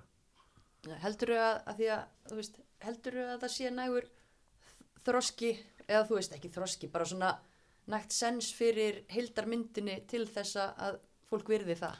Ég vil alveg trúa því, þannig að þú veist, ég held að við eigum sko þjálfarar, á Íslandi eru nokkuð svona já, hópur sem að tala mikið saman og er tætt og læri hver á öðrum og þannig ég vil alveg trúa því að menn hugsa það alveg þannig. Um, ef að menn gera það ekki þá þurfa það náttúrulega bara að eiga það við sig sko, þú veist, það við getum, við, það er, þú veist, í núvarandi kerfi geta menn líka alveg sankaða sér leikmönnum eða halda þeim á samningi eða hvernig sem er sko, þannig að Það er allavega, ég efa það að fólk hafi hort svo, á heildamyndin eins og þú ert komin í þessu, svona eins og mistar að segja, sanka sér. Nei, það er bara, þetta er ótrúlega margir þættir og, og auðvitað eins og þú ert líka að nefna að þið bæði bara félögin búa við svo ólíkar aðstæðar að maður getur Mhm. alveg skilið og, og sett sér spór annara en við hljótum samt, við verðum að hugsa um heildina og við verðum að hugsa um íslenskan fótbolta mm, og landsliðin okkar. Mm og hérna, þá velt maður bara fyrir sér ég ætla ekki að segja til um það hvað er, er besta leiðin en ég er alveg að, að kaupa rökin þín á sama tíma og ég, ég skil mjög vel kannski óttan og Já, já, hann er vegna þess að- þú veist við, og eins og ég segi, þú veist, við þurfum alveg að bera virðingu fyrir aðstöðu IBVF að, að, að, að lið út á landi geti alið upp leikmenn og, og, og lí, líka þau geta, þú veist, keft á, á, á eins háu level og þau mögulega geta um, það er mjög aðdeglisvægt bara hvernig þróunu verið kallaboltanum að það er einhvern veginn orðið það mikið bíl á milli höfuborgarsæðisins og, og út á landi aust, austurlandi, norðurlandi vestmænum og svona að það er bara vallað að sjá landsleismenn lengur. Eru orðin svona miklu meira undantekningar heldur en voru sko bara máttastólpar í landslegunum ég held að þessi bara gríðalegur aðstöðuminu sem þessi lið því miður bara búa við út af landfræðilegu legu og, og, og mannfjölda og svo frammeðis við þurfum að finna leiði til að hjálpa þeim að ná sínum talent sko. við fáum áslöfu mundun alltaf frá hérna, eigilstöðum og, og sýstir hann er svolítið góðið fótballta líka og það, eh, þessi krakkar er alveg til. Mm en sko ef að félögin segja bara áslöfu mundan nú ert þú bara hérna á í hætti veist, alveg svo breðablik getur ekkert haldið hennar lengur sko. hún, hún er bara í breðablik ennþá út að hún, hún hérna er í Harvard. Já, þannig að en bara en leiður stórun og stór þá verður að fara. Já, og, og, og hinn kannski miskilningur sem mér finnst oft verið í þessu er að flæðið er í hináttina sko breyðablik og valur eru náttúrulega við toppi núna. Stjarnan var það fyrir nokkrum árum og Þór Káa hefur verið hana og, og nú er þróttur að munstra sig og hafa að mínum að verið að gera þetta á réttan hátt að, að, hérna, að bara leggja mikið í þetta og, og þú veist sína metnað og, og sækja leikmenn sem það vantar og og svo framvegis og leggja svolítið í yngri flokkana líka þannig að veist, það er bara leiðin til að ná árangri mm. Valur og Breiðablík hafa bara alltaf verið hann þú veist, ég mann þegar ég er krakki að allast þá er þetta Valur og Breiðablík Káur átti sitt tíma og, og þú veist, Mm. Þegar hérna ástildur og heluna og þær voru allar hann og vanda að þjálfa og, og hulda og, og hulda að koma upp og allt þetta þannig að Þetta er enga tilvillan. en, en Valur og Breiðablík er alltaf Mhm. þetta er bara, það er bara svo mikil hefð og mikil hérna saga og, Og vinna. Já, og eitt leikmaður sagði við mig um daginn sko, sem að var um þetta að ræða um þetta sko, í spurna þeir alltaf að segja að þú veist að sé eitthvað fórskoti í val og bregðarleiku, hvað er, hvað er fórskotið í val sem, sem að þú ert að spila og hún sagði bara fyrir henni snýrist þetta ekki um kannski að vera með styrta þjálfara eða aðstöðu annars lít heldur þetta snýrist bara um virðingu klúpsins Mm mm. sem er ágætt fyrir okkur alltaf að heyra sko, að finnur þau fyrir því að bara áþreifanlega að allir í klúbnum séu á bakvið þannig að ég held til dæmis að þetta hafa breyst í þrótti. Algjörlega. og, og, og þær eru að hérna, uppskera fyrir þetta. Þetta er eitthvað sem að við erum að reyna að gera í háká að, hérna, og, og ég finn ekki annað en að allur klúburinn er þar á bakvið þannig að veist við, við getum ekki orðið betri sjálf ef við erum að nálgast því frá að vera hrætt við aðra við verðum að vera svolítið hugrökkbar í þessum að við erum að gera en ég get ekki haldið einhverju leikmanni Mm. sem ég get ekki haldið Sörubjörg núna uh, ég get vonandi haldið einhverjum góðum leikmannum og, og svoleiðis en ef þú er bara góður það verður að fara og, og, og til að klára hitt út að ég má- mátti tala mikið já. Röðelda að það var að hérna flæðir í hinnáttuna þú veist, kíkt á keflavík fylki uh, hauka til dæmis þú veist að, að frá þeim fara 13 leikmann, leikmann í valstjörnum og breyðablík frá 2012 inn í mestarlokana 55 í hinnáttuna þú veist þannig að uh, held ég séu öruglega segja rétt svo að, að séu alveg það margir 55 með mitt sko. þannig að, annarkort að láni eða félagskipti Mhm, Þannig að þetta er ekki eins og fólk heldur að það sé bara allir hópast í þessi lið. Það eru, þetta er, Þetta er alls konar, Já. en náttúrulega leikmenninir sem eru að vantalega að fara eru kannski töluvert stærri já Svona- en sko var í fylki uh, Berglind Ágúst fór í fylki já, já, já, veist, ok, já, ja, veist þetta, er ekki slór leikmenn. Telma Ívars fór í hauka og, og svo kolla kolli þannig að þetta er ekki slór leikmenn sem var er að fara. og, og eins og sést núna með Ollu að þú veist hún hafnar uppeldisfélaginu fyrir félaginu sem hún fór land til mm þannig að af hverju er það? greinlega verið bara vel hugsað um hana mm, algjörlega, það skiptir máli. Var svona þessu? umræðin á hérna KR síðinni, stundismann síðinni. að það- Já, Já. að þar var einmitt koma punktar um þetta að náttúrulega mikil upp, uppbygging að fara á stað með þú veist velli og annað þar uh, en það vantar margt til dæmis í jafnbrettismálum þar bara á umhverfinu Mhm. og það segir sér alveg sjálft. Það þarf að vera aðlandi fyrir leikmenn að, að vera Já. og hugsa vel um þá. En hérna ég hef beðið spennt eftir að fá að henda dóminarspurningunni já, við glemdum henni, við vorum svo æsta að ríða okkur í gang. En pizza var góð. Hún var ansi góð hjá Dominos. Og veldum þetta einfalt í dag, var margarita Já, og við rétt náðum Dominos áður að hlupa ársatíð, það er náttúrulega búið að vera megavika hjá þeim. þau þurfa kvíld þetta, það var sturlað að gera sko Já, þau kvíld, þau þurfa skemmt, skemmtun á já, já, en við rétt náðum pítsu hjá þeim áður að þau lokuðu í dag, en hérna, uh, við ætluðum nú líka að fara yfir aðeins í lengjubíkarinn, eða ekki? En áður en að kemur já, lengjubíkarinn, við kannski, já, já, sjáum bara. Þá hendi ég þessari og hérna, hún er, hún er einföld en góð. ok, En hérna, hver var markaðasti leikmaður lengjubíkarsins í fyrra? lengi byggarsins Le, leng, já, lengjubikarinn Adelt. aðild í fyrra.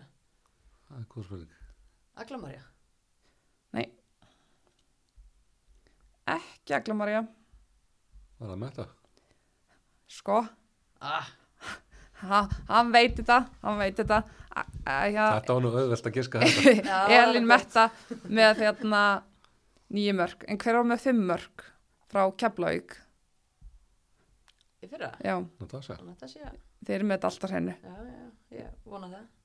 Þeir eru með þetta alltaf hreinu, en skiptum, skiptum yfir í hérna lengjubikarinn, það er, Mér langar að henda smá sjátt þetta sko að því við vorum að klára ástingið dróstaði sjá okkur. En hérna bara geggjað að IA TV sem við höfum Já. stöð þeirra hrósa þau fengu fjölmiðlavelunin þvílik þjónusta sem er bóðið upp á upp á skaga að fylgjast vel með þeirra leikjum því og hérna geggja grasrútaverkefni í- sem Keflavík og Njarvík standa fyrir, fyrir íþrótti, íþrótti fyrir börn með mismunandi stuðningstjálfur þarfir og maður hefur heyrt bara mjög góða hluti og svo náttúrulega fullt af heklum mm -hmm. uh, jafnbrettisvelunin við hérna eh, missum þau yfir til hérna til Berglindar Ingvars og, og Þorbjörgar Helgu Ólastóttur sem að eh, voru að græja fótboltaspjöldin sem að þjóðin þekkir og eru vel að því komnar og svo hérna náttúrulega okkar kona. okkar kona, grasrótar persóna ásins Margrét Brandsdóttir fyrir brautriðandastarf í þjálfun yngri flokka hjá FH og bara tíma bærta að þessir aðilar fái hérna viðkenningu fyrir sín frábæri störf Mm -hmm. ótrúlega dýrmætt fyrir félag að eiga svona típu innan raðar sko. inn, innan sinna raða já, Algjörlega. ómetanlegt eins og þær m, hérna sem gerði spilin þróttara mömmur vildi bara sjá okkur að breytingu, hlaupið að sjálfar og bara negla þetta. mm og reyndar hérna gaman líka að sjá Margréti Brans hún var hérna tekin fyrir í hvað heitir, ekki kvestasetjur á rúf þættinni sem að hérna Við komum inn á kortið. Nei, veistu, ég held að 30 áru og, og þjálfun þúsunda leikmanna Hafi gert það, já, já. En veist, Já, ég ætla að reyna að egna mér eitthvað af, af hérna drottningunni. en, en mælum með að fólk kiki í sarpinni og rúf og, og sjáu þáttin Mhm. um hana Gretu. Geggjuð, kona. Já. En hvað viltu ræða um hérna lengjubikarinn? Það er náttúrulega bara daldið vorbræður á, á því móti en þá. Mm þetta, er, þetta er að komast í gang svona. Það er náttúrulega Ariðill 1, Ariðill 2. Þú varst að lýsa leik uh, stjörnunar og breðabliks. Já, Því líkur leikur. mjög skemmtilegur, sérstaklega setniháleikurinn. Já, þetta var svakalegt og líka bara eins og saðir í lýsingunni það voru þarna stelpur að koma inn á sem að eru 16 leikmenn, 17 leikmenn á færibandi. Já, það er, það er eiginlega uppáhaldið mitt við þetta mót. Jú, jú, maður sér skerpist á fótboltanu svona þegar líður aðeins inn, að, inn á orri, en öll þessi nýju andlit sem er að fá tækifæri þarna, það er alltaf svona nýr bunki á, á hverju orri eða hverjum vetri og ég er allavega búin að sjá heilan helling nú þegar. Sá líka, hérna, leik þróttar og fylki sem daginn, fullt af nýjum nöfnum þar og eitt gammalt Rakel Lóðadóttir, amman í framlínunni með öllum ungu fylgistelpunum og hérna bara og þú veist þessum leikið mitt í hvernig var það fyrir dag Mm fullt af, fullt af efnilegu stelpum sem hafa nýbúin að sjá á sama stað með U16 Það eru mikla hræringar í hana, boltanum út af vantalið, út af því að það er búið að vera mikið um að leikmenn sé að fara ellendis. Þannig að það verða hræ, hræringar bæði þú veist, við toppin á íslenskum bolta og svo bara færist það allarleið niður sko. Mhm. Þannig að það er svolítið gaman að reyna, reyna að fara að pæla í ótíma bara um spám. Já, við að, að, að hérna að það er eins og við vorum aðeins að gera hérna ég og Guðni hérna þjálfari HK að það er nokkuð lið sem eru bara svolítið miklu transition. Svolítið eins og hérna Selfoss til dæmis. Já, Það er hafa nú skítapað fyrir skítöpuð fyrir stjörnunni 5-0 og tapa svo fyrir IBF 4-0. Já, það, það hefur nú stundu bara loða við þar á veitunar að, Það er Það er bara góð sviti. já, já, ég meina það er ekki kona með allan hópin Nei. sinn og, og þjálfari nýlendur og, og efnilega stelpur þar að- að taka fyrstu skrefin. Vörnin ætti allavega að vera nokkuð öflug þannig á gera en, en, en það verðist samt sko þar kemur inn í þjálfari og góðu þjálfari og, og vörnin gríðaröflug en, en hérna hann gæti þurft smá tíma bara að setja sér handbráðaliði Já, eins og segið með öfluga einstaklingi í vörninni en þú ert með leikmenn sem hafa ekki spilað saman það þarf líka að slípa það. Já, mikla breytingar hjá Þór Káa þú veist, er mikla breytingar hjá Breiðablík Breiðablík gæti þurft svona smá tíma til að jafna sér það er bara búið að taka blóð úr þeim.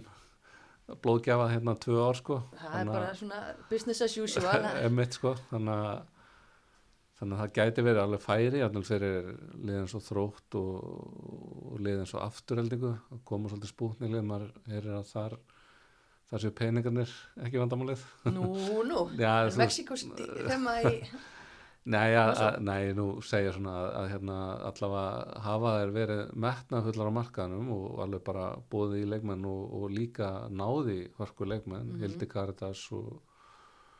Eirun og Völu, Þórald sýstur og, allt það sko, þannig að það er alveg eitthvað að gerast þar. halda ellendu leikmörunum frá því fyrra kona meina, er ekki frá Jamaica landslískona Já, þannig að þú veist, það er Spennandi. spennandi að sjá þú veist, hvort þessi leik geta fikra sig aðeins ofar Mhm. og þegar önnu liður er svolítið svona í transition en, en þá allavega erum við með heila deild allavega liðum sem eru að, með metnað mm og það er það sem hefur breyst svolítið undir að fara ná líka þú veist, með tilkomið fyrstu deildarinn eins og hún er núna að hún er að verða gríðasterk Mjög og þá sterk. úrvalstildin ennþá sterkari Mhm. en það er búið að vera blóttaka víða bara út að það eru svo margar að fara út í aðrunum sko, Mm og ekki búið enn sko. Nei, ertu með eitthvað skúp eða? Nei, kannski ég bara skupið hérna á ykkur á eftir Ok, við tökum því Já. En að, já, Já, en liðin svo stjarnan hefur haldist svona, þær halda sama kjarna og Kristján fær að, að bara rúla sínu lið áfram og ver, þær eru alltaf verða meira og meira spennandi.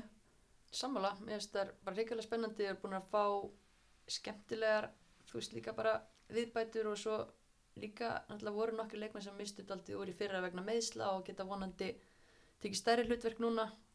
Bara skemmtilegur fótbolti sem hann spila þessar Mhm. einnar snertingar sóknir þegar það voru að keira upp á blikana Geggjað. bara frábært, maður fekk svona flashback frá leiknu þeirra síðasta sumar sko. mm -hmm.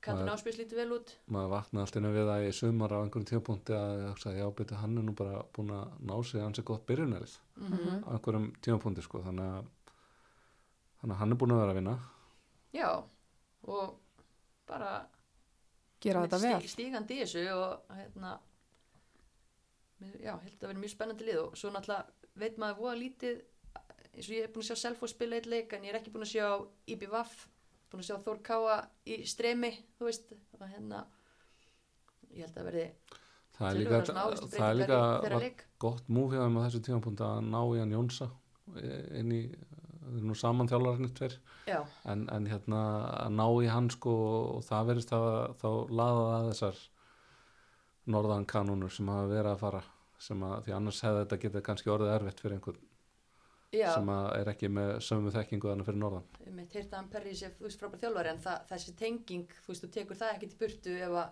þú ert með þjálfara sem þjálfaði upp yngri flokkana og, og, og Já, tristir og og allt samband og gerði mjög vel með tindastól þannig að þetta gæti svona ítt þórkáfa upp frá því sem voru í fyrra. Mm bara vonandi að því að manni finnst bara þú veist þær áttu náttúrulega þessa þetta frábæra tímabil þegar þær urðu Íslandsmeistarar og maður svona einhvern veginn að vona þannig að fylgja því aðeins betur eftir en, en það er svona freka mistampin heldur en hitt og nægur er efni við en annað þannig að mm -hmm. en Valur er auðvitað team to beat sko það er hérna, maður sér bara firepower sko þannig að sem þær hafa já, fram á við slett hérna út um allt stúdíó en sko en, en hérna það má en þú veist þær eru með fjóra, fimm leikmenn sem geta bara dúkað upp með mörg. Slátruðu mínum konum í gær hemdu fyrir hérna Reykjavíkur mótið sko. Vinna 6-0 Solveig Larsen og Elísa Bæða með tvæ, tvö mörg held ég. Já, svo erum við Bryndisi og náttúrulega Elimettu þegar hún kemur aftur og Mhm. geta, geta alveg skora ídu náttúrulega. Þannig að þetta er svakalegt Þórdís lið. Hrönn mætt Já, og Þórdís Hrönn mætt. stimpla sinn með marki. Við verðum að fara að skella í ótíum bara, hún fer að verða mei, minna og minna Já. hún fer eiginlega bara að verða frekar tímabær. Er það ekki bara næsti þáttur? Jú, reynda sko Þórdís vinkonan hún geti núna verið hérna svona einhver leinispurning í framtíðin ég held hún sé búin að spila fyrir næstu öll liðin á landinu. Hún er búin að spila fyrir Val, Stjörnuna, Breiðablик Þórkáa, K.R. Káur já, þannig að hérna þetta er, já, þetta er einhver túr til Æsland Það Já.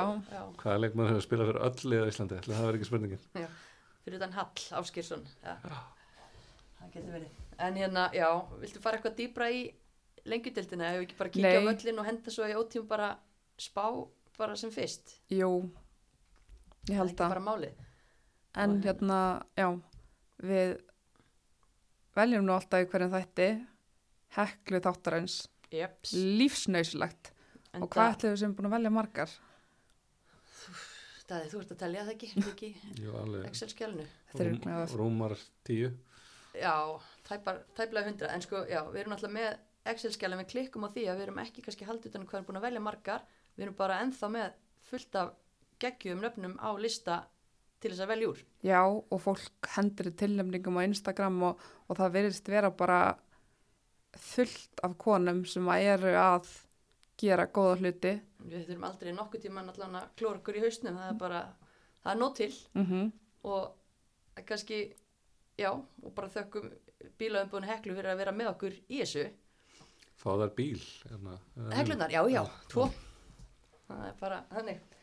En uh, við ákveðum að, að gera eitt uh, dæði að því að það er hérna kona sem er búin að vera á lista hjá okkur í svolítið tíma og okkur fannst kannski gaman að einhver sem mögulega þekki til hennar myndi segja okkur aðeins frá henni. en það er vist drottning í, Kóbói háká kona Marja Rúnastóttir já, sem er heklan okkar í dag já, Marja er hérna formaður mestralarsás kvenna í HK og, og mjög gaman að vinna með henni hann sé öflug hérna kona með mikið bakgrunn í viðskiptum ok, og hún Er er búin að kópaði? já, hún þarf nú að fara þurfum að fara að finna þessi veskennar hérna. Búið til, já. En, en hérna hún er allavega veist, búin að setja mikið metnað í þetta frá því að hérna, skilnaðurinn varð við Viking og, og, og Ég hugsa bara það. skilnaðurinn varnar. taka, taka þátt í að byggja upp eða hún hefur leitt bara uppbygginguna á, á, á kvennaliða HK og bara virkilega metnaðfull og lagt svona mikið í það og mér hefur fundist margt verið að gerast á þessum tíma sem maður hefur fengið að vinna með henni Mm.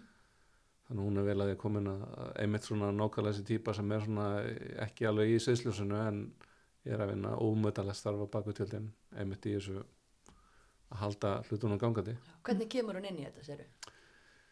það er góð spurning, er ekki alltaf bara snúið upp á höndinu einhverjum og Já, er fóreldri þá eða? Já, hún er fóreldri í yngri flokkum sko. Þannig að, en, en jú, hún náttúrulega þekkir þarna bara til og, og, og er, er úr hverfinu og, og þekkir þarna til fólk sem er í, í stjórnum. Og, og hérna, tekur þetta bara með trompi. Að, hérna, ég er óbúslega ánægða núna eins og með þessa ráningu á Guðna og Lidju. Já, það er nú eiginlega ekki búið að tilkynna með Lidju. Nei, Lidja hérna, er bara komin hana í þjálfara teimið og mjög gaman að fá Lidju. Hún er með Júfa Pro, hefur verið að þjálfa 17. landsli Serbíu undan fyrir ár.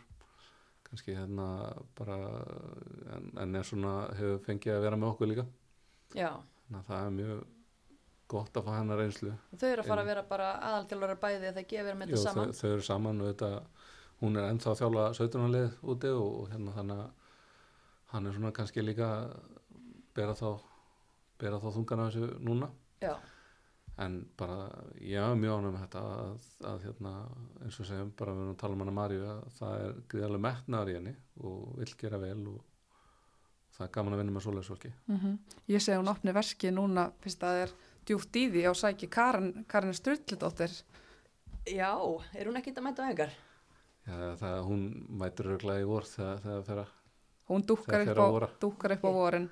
Ég En- passa fyrir hana, Já, þá er hún, þá er hún mætt. það hljóða mjög vel nei, nei, það er hérna HKK vann hana aðra deildina og, og heldur svo fyrstu deildina þannig að er bara að gera betur í sumar og það held ég bara að sé markmið að byggja á hana og, og, og hérna við erum mjög ánað líka bara með leikmanna rekrúting og svo hefur sem að ég er mjög ánað með líka þjálfarna að þau hefur ófeimið við að gefa ungu leikmannum úr HK, sjensa Mhm.